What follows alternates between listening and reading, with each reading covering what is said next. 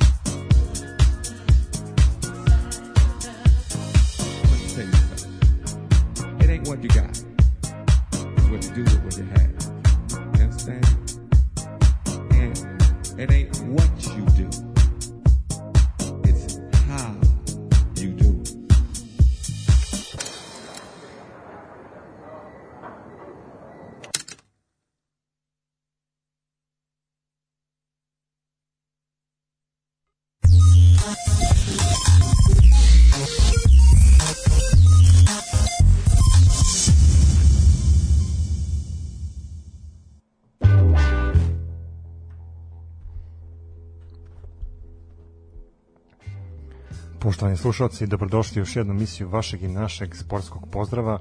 Današnja emisija, to ja započinjem sam u studiju, standardno družimo se od 19 časova i pričamo o sportu. Dosta stvari se izdešavalo u ovih prethodnih par dana.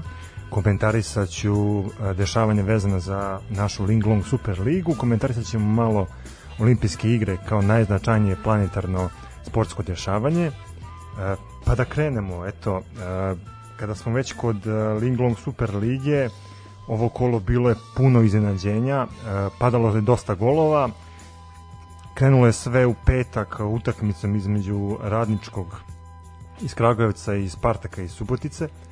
Radnički je pobedio na stadionu Čikadača rezultatom 3-2, jedna maestralna utakmica. Obe ekipe su pružile svoj maksimum i obe ekipe su pokazale zašto su zapravo superligaši. E, eto sve je krenulo pogotkom e, Trifunovića u četvrtom minutu.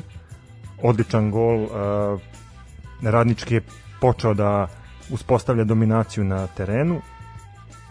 To se na kraju krunisalo i još jednim pogodkom opet Trifunovića u 19. minutu da bi e, na kraju Spartak e, se povrgao i krenuo da igra e, malo zbiljnije futbal.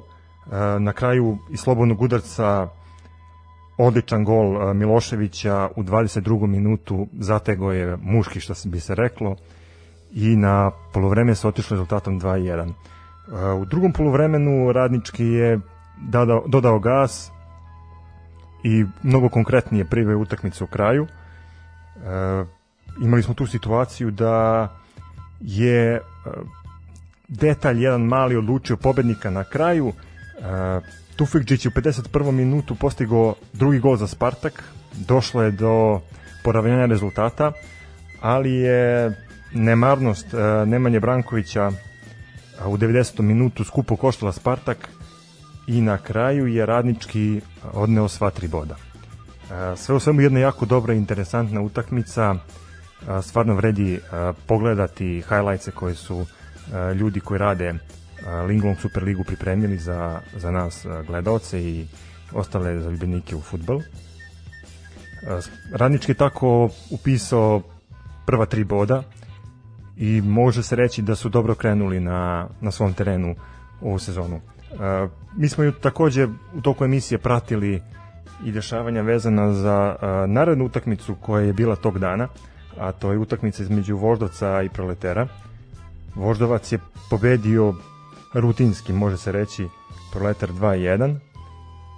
Oba gola za Voždovac postigo je Ivan Milosaljević u 23. i 51. minutu, a počasni gol za Proletar postigo je Andrej Kaluđerović u 49. minutu. E, kada pričamo o ovoj utakmici, e, bilo je dosta nekih e, zanimljivih situacija na terenu, dosta borbe, dosta žara, obe ekipe su pokušavale da uspostave dominaciju na sredini terena, međutim Voždovac je bio mnogo konkretniji i kod prvog gola jednostavno došlo je do jako dobrog pasa sa sredine terena upućeno na napadaču Ivanu Milosaljeviću koji je uspeo da pobegne odbrani proletera i da na kraju matira golmana poslavši loptu u suprotan ugao.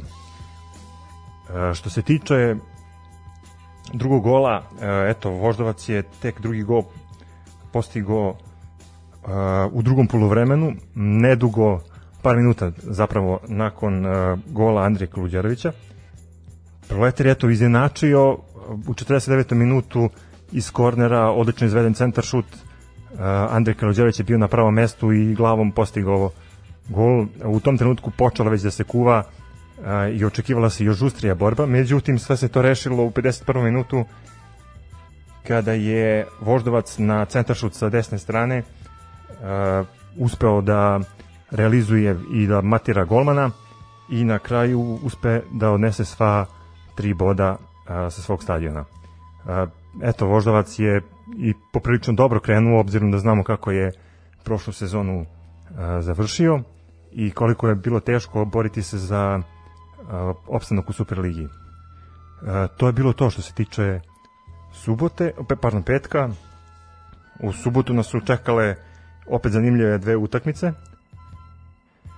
Jedna je bila utakmica između Radničkog Niša i Napretka, koja je bila, verujte mi na reč, izvanredna, čak možda i pandam ovoj utakmici između Radničkog Kragovica i Spartaka. A druga utakmica koja je bila na, na stadionu Crvene zvezde, stadionu Rajko Mitić, gde je Zvezda dočekala mladost iz Lučana. Ali ajde evo da prvo krenemo sa utakmicom, kao što sam već napomenuo, između Radničkog iz Niša i Napretka. A, derbi Juga Srbije, kako obično vole popularno da, da nazovu ovaj, ut- utakmicu između Radničkog i Napretka. Eto, utakmica sama po sebi dosta golova, završila se rezultatom 4-2 u korist Napretka, ali verujte, uopšte nije tako izgledalo na terenu. A, radni, pardon, radničkog, radnički je tek u drugom polovremenu dao gaz i uspeo na kraju da odnese sva tri boda sa svog stadiona. A, navijači su bili poprilično zadovoljni ovom utakmicom, osim što je eto palo šest golova, a, bilo je dobra igra na terenu. Pa eto tako, možemo da kažemo da je napredak prvi poveo i to golom Kočića u drugom minutu. Nedugo zatim des, dešava se da radnički izjednačuje preko Mitrovića u 13. minutu i napredak posle jedne skroz konfuzne situacije u kojoj je dosviran penal za napredak Marjanović kao igrač napredka uspeva da to realizuje sa bele tačke u 32. minutu tako da se na polovreme otišlo prednošću napredka od 2-1. Drugo polovreme skroz drugačija situacija. Radnički daje gas i postiže tri gola za veoma kratko vreme. Prvo je Vujedinović u 56. matirao golmana, onda Škrbić u 61. i na kraju Kasalica u 75. minutu za nedostižnih 4-2 u korist radničkog iz Niša. Stvarno utakmica koja je vredela da se, da se pogleda i eto ja imam tu sreću da, da kažem da sam ispratio dobar deo te utakmice, ali opet ostaje ta žal što nisam bio na licu mesta, za razliku od utakmice koja će doći sutradan na kojoj smo svi mi koji činimo redakciju sportskog pozdrava imali prilike da gledamo. Selimo se znači sa radni, stadiona Radničkog sa popularnog stadiona Čajer na stadion Crvene zvezde. Na stadionu Crvene zvezde eto, de, desilo se da je Zvezda neplanirano postigla samo jedan gol i taj gol je na kraju, eto, Zvezdi ipak doneo tri boda, ali obzirom na to koliki je broj navijača bio na severnoj tribini, koliko je a, navijača bilo na drugim tribinama Zvezdinog stadiona, stvarno ostaje žal što Zvezda nije ubedljivije triumfovala. Uh, oni su pobedili mladost, uh, kao što sam već rekao, rezultatom 1-0 i pobedonosnim gol za Crvenu zvezdu postigao je Marko Ivanić, Mirko Ivanić, pardon, u 45. minutu. On je sa leve strane primio finu loptu, krenuo u dribling, uh, dupli pas i na kraju uspeo da u desni ugao, tačnije levi ugao golmana, protori loptu i tako su eto crveno-beli konačno došli do prve pobede u ovoj sezoni e, dok je mladost e, eto zaređala i drugi poraz. E, ono što interesantno vezano za ovu utakmicu jeste da se Zvezda dosta ispromašivala. E, bilo je nekih situacija i oko poništenog gola, sasvim opravdano. Ali to nije zvezda koju smo mi navikli da gledamo, navikli smo da gledamo zvezdu mnogo ofanzivniju, zvezdu koja je konkretnije u napadu, zvezdu koja dominira na terenu. Ovde to je, ipak nije bio takav slučaj. Mladost je uspela fino da se brani i čak u nekim situacijama ozbiljno ovaj, otkloni opasnost ja, ispred svog gola. Tako da, eto, Zvezda na kraju odnela sva tri boda i upisala svoju prvu prvenstvenu pobedu ove sezone. Što se tiče same igre Crvene zvezde, kao što smo već napomenuo, ona je verovatno bila bazirana i na toj činjenici da Zvezda očekuje revanš susret u kvalifikacijama za Ligu šampiona protiv ekipe Kajrata koji se igra ove nedelje na stadionu Rajko Mitić. I verovatno de, ekipa Dejana Stankovića je bila okrenuta toj utakmici.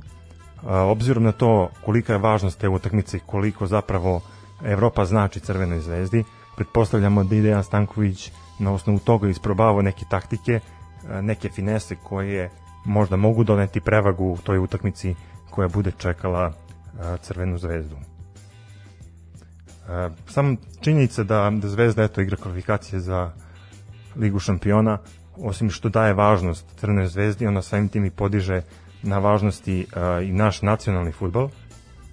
Pa se eto nadamo da će Zvezda uspeti da prevaziđe ovu prepreku iako znamo da se nisu baš nešto dobro proslavili uh, u prvoj utakmici gde su izgubili rezultatom 2-1. Uh, što se sa, opet kažem uh, same Crvene zvezde tiče mislim da Zvezda uh, traži svoju formu, da još uvijek nisu pronašli ritam koji može da im donese određene rezultate. Sve za sad ovo delo je jako traljavo, deluje mlako, imamo neke momente kada Zvezda stvarno dobro odigra u napadu i to se vidi, naravno ti momci su profesionalni futbaleri, ipak igraju za Crvenu zvezdu, ali u nekim momentima stvarno imamo osjećaj da kao da nemaju volju da, da igraju taj futbal, ali eto, rezultat njihovu prvenstvu i četiri boda prva utakmica 0-0 protiv Vojvodine i sada 1-0 protiv uh, Mladosti može da, da, da znači da eto ekipa Dejana Stankovića polako počinje da da ulazi u neku formu. Ali do, da bi ušli u tu formu potrebno je stvarno dosta vremena i potrebno između ostalog dosta i treninga.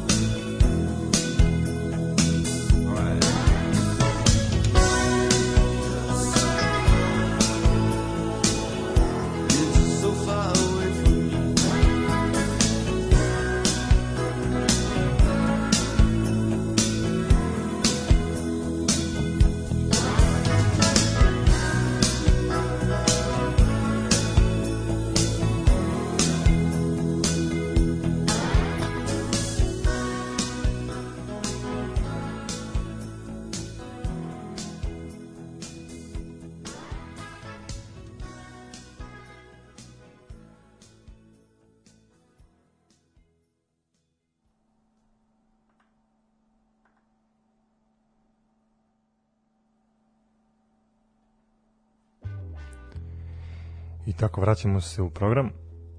Evo kad smo kod uh, i dalje Linglov Super Lige. Uh, vraćamo se na utakmice koje su se dešavale, odnosno igrale u nedelju, tačnije uh, koje su se igrale jučerašnjeg dana. Uh, to su utakmice između Metalca i TSC i derbi kola između Vojvodine i Partizana na stadionu Karadžođe.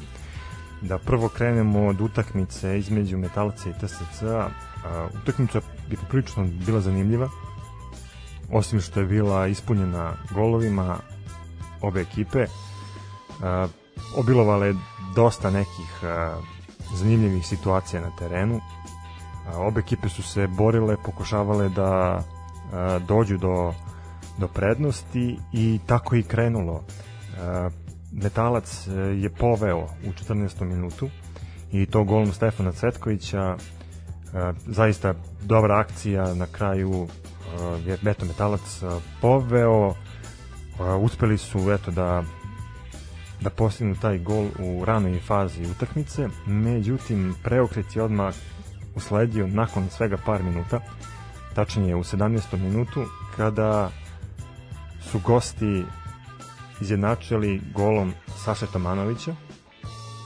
a nedugo zatim u 20. i poveli i to golom Mihajla Banjca u 20. minutu. E, na polovreme se otišlo eto rezultatom 1-2 opet prelaz e, kao što ste videli e, dešavalo se dosta često u, u ovom kolu da domaćini povedu pa da gosti na kraju izjednače ili povedu pred odlazak u slačionicu ali eto u drugom poluvremenu Đuro Zec je sa dva gola u 51. i 53. minutu donao ubedljivu pobedu TSC-u, ali ipak konačan rezultat u nadoknadi je postavio Nemanja Stojić i na kraju sa utakmica završila rezultatom 4-2 u korist TSC-a.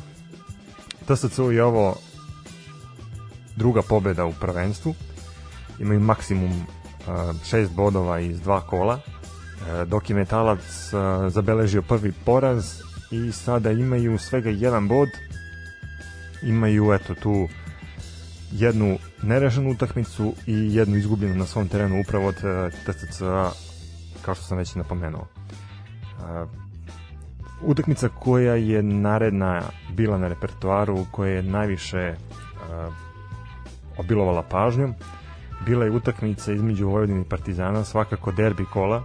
Derbi možda posle Zvezdi Partizana dve ekipe znači koje imaju dosta veliku tradiciju međusobnog uh, susreta. Eto Vojvodina je imala tu nesreću da prva dva kola zapravo igra protiv beogradskih velikana. Uh, vratili su se iz Beograda prošle nedelje sa osvojenim velikim bodom na stadionu Rajko Mitić. Uspeli su čak i da zabeleže pobedu od 1-0 u Litvaniji protiv Penevežisa i na kraju su eto dočekali Partizan sa jako velikim samopouzdanjem. Međutim, na terenu Vojvodina nije pokazala skoro ništa. Partizan je došao u Novi Sad tražeći nove bodove, obzirom da je se eto zalomilo da Partizan dve utakmice igra na strani i to baš dve u Novom Sadu, prvu protiv Proletera je rutinski realizovao rezultatom 4-0, a eto drugu protiv Vojvodine 2-0.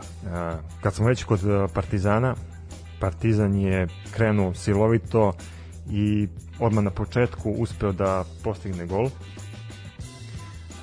Bibras Natko je majestralnim udarcem matirao golmana Vojvodine i uspeo da Partizan dovede u situaciju da, da traži tri boda. Ono što smo videli na, na utakmici bilo jako interesantno. Na terenu je bila žustra borba, igrači su se borili, opet Partizan je napadao, Partizan je dominirao, Partizan je stvarao šanse.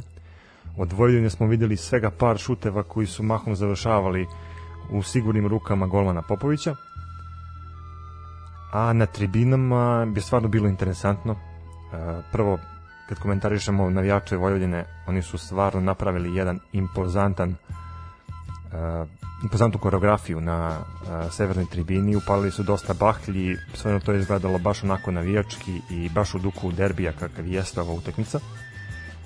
Na zapadnoj tribini koja je bila eto podeljena i jako je važilo da a, na zapadnoj na istočnoj tribini mogu biti samo navijači Vojvodine. Čuli su se povici a, navijača Partizana, bilo je eto i navijača Vojvodine.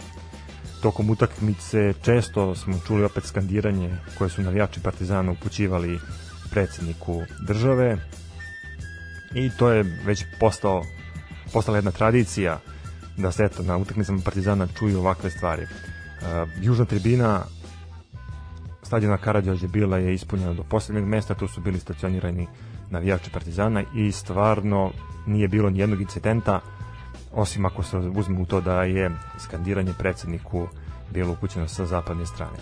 A, svakako jedna jako zanimljiva sportska manifestacija i ono što je najvažnije protekla je bez jednog incidenta, stvarno dostojno jednog derbija i eto možemo da se pohvalimo da je sve proteklo u najboljem redu. Redakcija sportskog pozdrava imala je tu čast i privilegiju eto da posle dužeg vremena bude ponovo na okupu, ali to svega par minuta pošto eto moja malenkost je morala da da promeni lokaciju sa kojeg je gledala utakmicu. Inače, eto, danas smo došli u tu situaciju da samo ja radim emisiju. Uh, Stanislav i Toza nisu sa mnom. Uh, sad vi pogledajte šta se to desilo sinoć nakon utakmice, da li su se zapili, da li se nešto drugo desilo, možda i zaljubili, ko zna. Uh, eto, to je na vama da, da odgonete, da između ostalog probat ću ja da odgonetnem pa ću vam javiti u nekom uh, narednom izdanju našeg podcasta. Uh, kada govorimo još o, to, o Partizanu, uh, jedna jako interesantna scena bila je viđena na zapadnoj tribini na ime Vladimir Stojković uh, koji će biti bivši golman Partizana pošto je klub odlučio da prihvati ponudu i da ga pošalje put inostranstva je prodefilovao kroz zapadnu tribinu i to je naišlo na uh, veoma prijatno skandiranje navijača Partizana koji su mu skandirali i koji su mu likovali u tom trenutku. Uh, videlo se koliko njemu sve to značilo i videli smo koliko je bio dirnut tim gestom. Kao što sam već napomenuo, Stojković će u narednom periodu potpisati ugovor sa Al Fejhom, koji do sada vodi Vuk Rašović, bivši igrač i trener Partizana. I eto, možemo da kažemo da Vladimir Stojković pod stare dane traži sreću u inostranstvu, ali eto, verujemo da ako ništa, bar će dobro da, da zaradi, obzirom da znamo kolike su plate. E sad, ono što svakako ostaje žal i, i bit će krivo istinskim ljubiteljima Super Lige je to što eto, nećemo imati više mogućnosti da gledamo Vladimira Stojkovića koji je proteklih par sezona stvarno bio jedan od ikona srpskog futbala, što na terenu, što van njega. Eto, svojim izjavama je ponekad davao previše na značaj u sudijama, ponekad je svojim izjavama branio svoje igrače, sve u svemu čovek koji ima jako zavidnu karijeru i čovek koji je, pa može se reći, u zadnjih 10 godina obeležio a, srpski futbal kada je u pitanju go, a, golmansko mesto. Eto, kao, kao što sam već napomenuo, Stojković, uh, koji je imao stvarno jako bogatu internacionalnu karijeru, će ponovo ovaj, probati da pronađe svoju sreću u Saudijskoj Arabiji, ali eto, samo da napomenem koje futbalske klubove promenio Vladimir Stojković, eto, u inostranstvu, bio je u uh, francuskom Nantu, u holandskom Vitesse, u portugalskom Sportingu, u španskoj Hetafeu, eto, u engleskoj je čak bio, bio na ostrovu, pa imao prilike da da provede određeno vreme u kolevci uh, futbala, uh, branio je za Vigam i Nottingham Forest, uh, u Grčkoj je bio u Ergotelisu i čuje, sećamo se čuvenog njegovog izdanja u Makabiju iz Haife. Mi mu želimo eto stvarno sreću i u nastavku karijere. Vidjet ćemo koliko će Vladimir Stojković imati prostora u ekipi Vuka Raševića i koliko će zapravo odigrati utakmica ali eto, ostaje stvarno, kao što sam već napomenuo, velika žal što neće biti više u našem futbalu i eto, mi mu stvarno ovom putem želimo sve najbolje. To su navijači Partizana u nedelju uveče isto učinili, skandiravši njegovo ime i kao što sam već napomenuo, uh, on je pokazao koliko njemu taj gest uh, značio. Uh, kada govorimo opet o, o Superligi, moramo da napomenemo da je utakmica između Čukaričkog i Novog pazara na zahtev Čukaričkog odložena zbog leta koji je ekipa sa Banovog Vrda imala i težine utakmice koju nosi igranje u Evropi. Uh, sasvim opravdano i jako kolegijalno ekipa iz Novog pazara je to učinila i izašla u susret Brđanima tako da će Brđan imati dovoljno vremena da se pripreme za revanš. A, težak je to put na koji idu, a, treba se dobro pripremiti i treba pronaći način da se osvoje ta tri boda, odnosno da se napreduje u narednu rundu kvalifikacija za Ligu konferencija. A takođe utakmica koja je počela i koja se trenutno igra u 29. minut je je utakmica između Kolubare i Radnika. Ja nemam informaciju koliki je rezultat, ali nadam se da eto nije došlo do, do promene rezultata. A, svakako kom, kolo neće biti a, kompletirano obzirom na, na tu odloženu utakmicu pa je tabela poprilično nejasna jer nisu odigrana sva kola. Eto, nakon dva kola, Partizan je prvi sa osvojenih šest bodova, prati ga TSC koji eto ima gola razliku 6 za 2, Partizan ima 6-0, uh, za njima eto 100% učinak uh, ima i radnički iz Kragujevca koji ima gol razliku 4-2 i onda posle ide radnički iz Niša koji ima gol razliku 5-3 i osvojena 4 boda peto, šesto, sedmo i osmo mesto zauzimali Crvena zvezda, napredak Čukarički i Voždovac. Deveti je Radnik sa osvojenih jedan bod. Uh, prati ga Spartak, Metalac i Vojvodina, znači to su ekipe koje imaju po jedan bod. Radnik, Spartak, Metalac i Vojvodina. I na kraju dolazimo do začanja i do ekipa koje ulaze u crvenu zonu, a to su ekipe Mladost iz Lučana, Novog Pazara, Kolubara i Proletera te ekipe do sada nisu osvojile ni jedan bod, ali eto, Novi Pazar ima utakmicu manje i Kolubara ima utakmicu manje, obzirom da sada trenutno igraju svoju utakmicu. To je to što se tiče Super lige. Bilo je dosta interesantnih stvari. Eto, meni je žao što moje kolege nisu tu sa vama da podele informacije sa stadiona, kako je njima izgledala utakmica između Vojvodine i Partizana, kako su oni to doživeli, da, da prokomentarišu na jedan drugačiji način za razliku od, od mene. E, meni je ta utakmica eto ovako e, lično bila jako interesantna obzirom da je bilo dosta ljudi i stvarno je opravdala epitet e, derbija kola.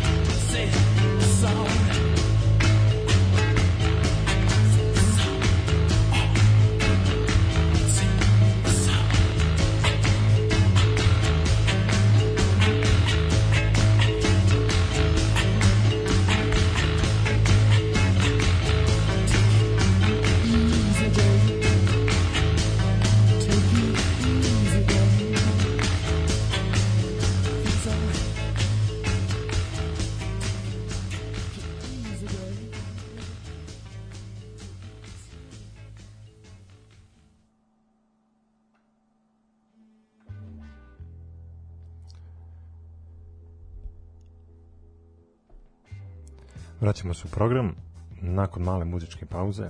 Potrebno je, verujte, obzirom da sam radim emisiju, ponekad je stvarno potrebno da se napravi predah i da se malo misli razbistre. E, Vraćamo se ponovo na srpski futbal. Jedna jako interesantna vest a, stigla nam iz futbolskog kluba Vojvodine. Na primer, njihov a, direktor stadiona, Dragomir Tanović, danas je za medije pričao o mogućem renoviranju stadiona Karađorđe. E, naime, da napomenem zašto je ova vest došla u žižu javnosti sportske scene kada je u pitanju futbolski klub Vojvodina jeste ta da e, Vojvodina u slučaju da prođe narodnu rundu kvalifikacija za Liga konferencije svoju utakmicu neće moći igrati na svom stadionu, stadionu Karađorđe. Tanović je pričao o tome e, gde je zapelo oko dobijanja licence, šta se zapravo tu izdešavalo i kakvi su problemi sa kojima se suočava futbolski klub Vojvodina, pa je tako naveo da je u februaru prošle godine trebalo da se počne sa rekonstrukcijom stadiona Karađorđe, međutim, eto, tada je pandemija poremetila planove ovog futbolskog kluba i onda je trebalo posle da se nastavi sa renoviranjem u decembru, ali eto, ni do toga nije došlo. A, tako smo došli u tu situaciju da stadion Karađorđe ispunjava uslove samo za prvo kolo kvalifikacija za Ligu konferencija, tako da će, ako se stvari do tada ne srede, svoju utakmicu verovatno Vojvodina morati da igra u Beogradu na stadionu Partizana. A, razlog zašto bi Vojvodina morala da, da se seli bar na tu jednu utakmicu ili dve, kako god, zavisi od uh, učinka ekipe, e, jeste ta što je UEFA bila izričita kada je u pitanju postavljanje nekih određenih standarda, e, prvo poslednjih ulaza, izlaza za igrače koji su na zagrevanju. E, Na kraju je došlo do toga da je UEFA tražila i e, renoviranje e, ulaza za navijače i ti ulazi su trebali da budu renovirani na zapadnoj i istočnoj tribini, odnosno da budu postavljeni češljevi metalni e, sa čitačima za e, bar kod e, kakve imamo na stadionu Crvene zvezde i na stadionu Partizana. Međutim, eto, uprava futbolskog kluba Vojvodine to nije odradila na vreme. Možemo da krivimo njih, možemo da krivimo pandemiju, možda su tu neki drugi razlozi u pitanju finansijske prilode, ali svakako jedan veliki propust uh, futbolskog kluba Vojvodine i njenog rukovodstva, obzirom da znamo koliko su dugo navijači u Novom Sadu čekali da igraju međunarodne utakmice i koliko im je zapravo značilo to da mogu nesmetano da gledaju svoje ljubimce na svom stadionu iako znamo da je još uvek na snazi uh, pandemija zvana COVID. Uh, kada smo gledali eto, kod, kod Vojvodine još uvek uh, ta utakmica sa Panevežicom uh, igra se u četvrtak i Fudbalski klub Vojvodina je već počela prodaju ulaznica za ovaj meč. Neki mogu da uh, svoju, utakmicu, svoju ulaznicu dobiju uh, i tako što će uh, biti humani i što će dati svoju krv i time pomoći nekom drugom, ali eto pomoći i Fudbalskom klubu Vojvodina uh, sa svog uh, mesta na stadionu Karađorđe. Stvarno jedan jako lep gest i pohvaljujem, eto, kao što sam znao da, da kudim sada kada smo pričali o nemarnosti i o nedobijanju UEFA licence, tako treba pohvaliti marketing službu Futbolskog kluba Vojvodine koja je stvarno napravila jedan odličan odličnu saradnju i odličan predlog. E, naime, kao što smo već napomenuli u prethodnim epizodama ovog našeg podcasta, e, Futbolski klub Vojvodina je napravila saradnju sa Crvenim krstom i Zavodu za transfuziju, pa će tako svako ko bude donirao krv moći da dobije besplatnu ulaznicu za ovaj meč. Mi želimo novosađenima sreću u narednom u u narednoj utakmici sa Penavežisom i nadamo se eto njihovom prolasku u drugo kolo a vidjet ćemo kako će se oni odužiti svojim uh, igračima u četvrtak uh, i da li će uopšte imati priliku da igraju to drugo kolo. Uh, tokom ove emisije, eto saznali smo i jednu jako neprijatnu vest. Naime, danas je preminuo Ivan Toplak, nekadašnji centar for Crvene zvezde. On je preminuo u 90. godini i to u slovenačkom gradu Mariboru. E, kada govorimo o ovoj ličnosti, treba znati da je on rođen 31. godine u Beogradu i da je futbolsku karijeru započeo u Braniku iz Maribora, a afirmisao se u Ljubljanskoj olimpiji.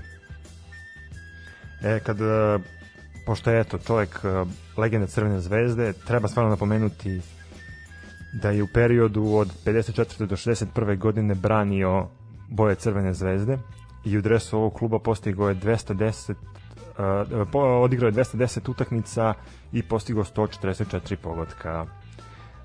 Dve godine je radio i kao trener u Zvezdi u periodu od 64. do 66. godine, a kasnije je radio i sa mladom i, om- i olimpijskom reprezentacijom Jugoslavije sa kojim je na olimpijskim igrama u Los Angelesu 84. godine osvojio bronzu. Uh, za seniorski tim Jugoslavije kao igrač odigrao je samo jedan meč, dok je kao selektor vodio na osam utakmica u intervalu od 76. do 77. godine. Inače, e, svoju internacionalnu karijeru kao trener gradio je u Sjedinjenim američkim državama, gde je tokom 8 godina vodio California Clipperse i uh, univerzitetske timove Salford i San Jose. Uh, eto, mi futbolskom klubu Crvena zvezda upućujemo izraze saučešća i porodici uh, Ivana Toplaka. Uh, eto, otišao je čovek koji je ostavio dubog trag u jugoslovenskom futbalu i u Crvenoj zvezdi. Šta još, eto, da, da pomenemo da se trenutno igraju olimpijske igre i stvarno to je događaj planetarnog karaktera. E, imate priliku na RTS-u 1 i 2 da pratite određene sportove koji vas interesuju. E, Eurosport isto takođe radi prenose sa olimpijskih igara. Naravno, oči srpske javnosti uprte su Novaka Đokovića. Očekujemo od njega medalju, ali nas ipak Novak Đoković e, nije prvi obradovo. E, medalja je došla sasvim neplanirano iz streljaštva, gde je Damir Mikec e, uspeo da pogodi ne na 10, ali 9,5 i da osvoji srebrnu medalju. Stvarno veliki uspeh. On je eto ponovio rezultat sa prošlog olimpijskog ciklusa gde je isto obradovao našu naciju sa jednom od medalja.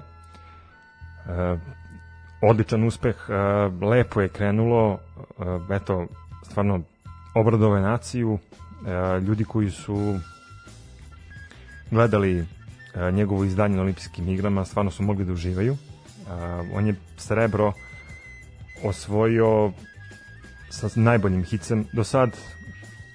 Ipak stvarno treba dosta vremena i dosta koncentracije da u presudnim trenucima vi dobro odreagujete. Eto, on je imao tu sreću i osvojio još jednu medalju na olimpijskim igrama. Eto, davo je intervjue ovih dana i stvarno nacija ga je slavila, pa je eto uspio da, da, izjavi i da je nakon olimpijskog uh, da nakon olimpijskih igara u Londonu gde je došao kao broj 1 na svetskom rang listi i nije ušao finale doživo jako uh, težak uh, psihički poraz i bilo mu je teško ali je eto uspeo da se na ovom olimpijskom uh, ciklusu okiti sa srebrnom medaljom. Što se tiče drugih reprezentativaca, najviše pažnje trenutno uh, uprto je u uh, basket 3 na 3 ekipu. Srbije pratimo uh, reprezentativke u odbojci i u košarci. Uh, pratili smo ovih dana uh, plivače, pratili smo kajakaše, pratili smo između ostalog i vaterpoliste koji eto nisu uspeli da zabeleže pobedu na otvaranju. Izgubili su od selekcije Španije. Ali opet kao što sam napomenuo to ništa ne znači mi verujemo u njih. I nadamo se da će uspeti da izađu iz te krize i da prebrode taj prvi, prvi poraz i da, da već krenu sa pobedama kako je nacija od njih e, i navikla.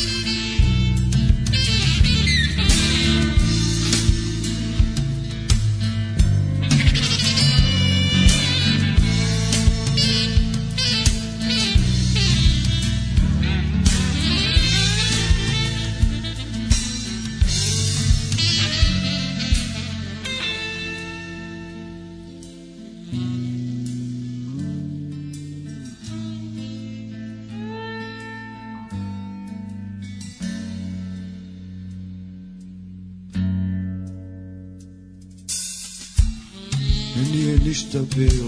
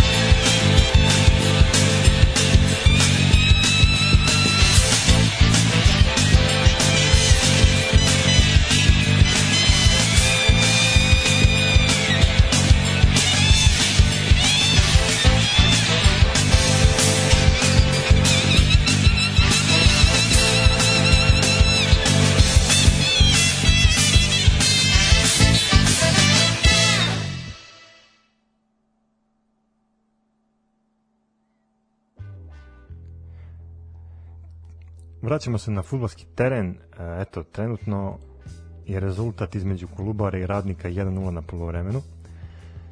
A eto, vidjet ćemo kako će se utakmica na kraju završiti. E, To je bio mali preskok na futbal kada smo kod e, olimpijskih igara bronzanu medalju osvojila je između ostalog i Tijana Bogdanović. Ona je osvojila medalju pobediviši Miu Yamade iz Japana 26, e, naša reprezentativka u tekvondu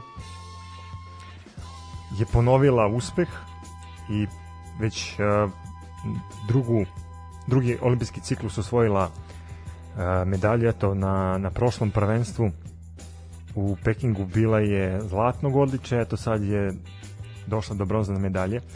Ipak moramo da kažemo da je imala tu sreću kada je u pitanju ta bronzana medalja jer je uh, izgubila u prvom kolu od uh, Andrijane Iglesias uh, rezultatom 12-4 i Španjolka je stvarno pokazala da zasluženo može da, da, da spada u sam vrh uh, ovog sporta. Uh, njoj na kraju ostala ta baraž uh, šansa koju je eto, uspela da iskoristi i preko baraža se zapravo i domogla te bronzane medalje. Uh, ona je svoju medalju posvetila svojoj baki koja je preminula ove godine i izvršnom direktoru Olimpijskog komiteta Srbije uh, Damiru Štajneru. Uh, Srbija za sada ima dva odličaja. Ima srebro Mikica i bronzu Tijane Bogdanović, a vidjet ćemo u narednim danima kako će naši drugi predstavnici dogurati i da li ćemo imati i da li ćemo se okititi još nekom medaljom. Kao što sam već napomenuo, sve oči uprte su u naše košarkašice, odbojkašice, u Novaka Đokovića, u basketaše 3 na 3 koji su eto stigli do polufinala i stvarno imaju velike izglede da osvoje zlatnu medalju. Uh, mislim da naša nacija ne treba da vrši pritisak ni na jednu selekciju ili na jednog pojedinca. Uh, ovih par dana eto imali smo prilike da gledamo i uh, naše plivače. Uh, muška štave, štafeta uh, 400 metara uspela je da obori nacionalni rekord. Uh, svaka čast, uh, momci, uh, stvarno dobar rezultat. Tako da eto, vidit ćemo ovih dana. Pričat ćemo još dosta o olimpijskim igrama, one traju do 11. avgusta. Uh, dosta stvari se izdešavalo, dosta uh, zemalja učesnica je pokazalo svoj kvalitet. Uh, pa eto tako uh, imamo i tu situaciju da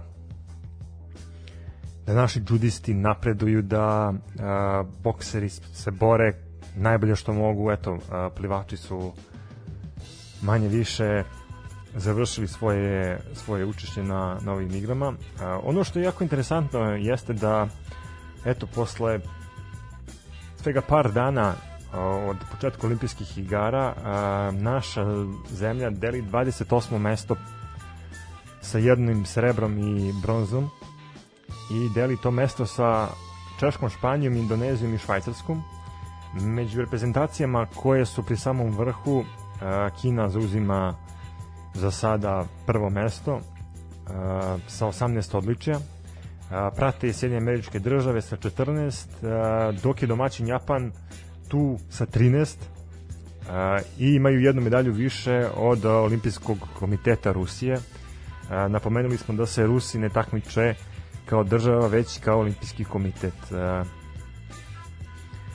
kada gledamo bilans uh, zlatnih medalja, uh, tu se situacija skroz menja, Japan je uh, tu generalnom plasmanu prvi, uh, zatim prate Amerikanci, pa onda ide Kina i tako dalje. Uh, šta da vam kažem, eto, uh, sat vremena smo se družili, uh, nadam se da vam je bilo prijatno, neplanirane situacije su se izdešavale ovog dana, pa smo eto bili u situaciji možda i da otkažemo ovu emisiju i ovo uključenje, ali eto, na kraju smo uspeli nekako da, da izguramo i ovu emisiju. A, svakako u narednim periodima očekivaćete mnogo detaljnije analize kada je u pitanju sport i kada je u pitanju između ostalog i srpski futbal. A, čeka nas međunarodna scena, a, čekaju nas revanši kvalifikacije za Ligu šampiona i kvalifikacija za Ligu konferencija.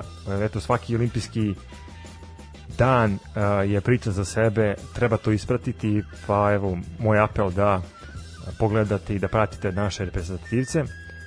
Svakako dosta sportskog dešavanja i mi ćemo se truditi da u narednim emisijama već u petak sve to nekako sumiramo na najbolji mogući način. Uh, ja vam se još jednom zahvaljujem na slušanju. Do sledećeg pozdrava, sportski pozdrav.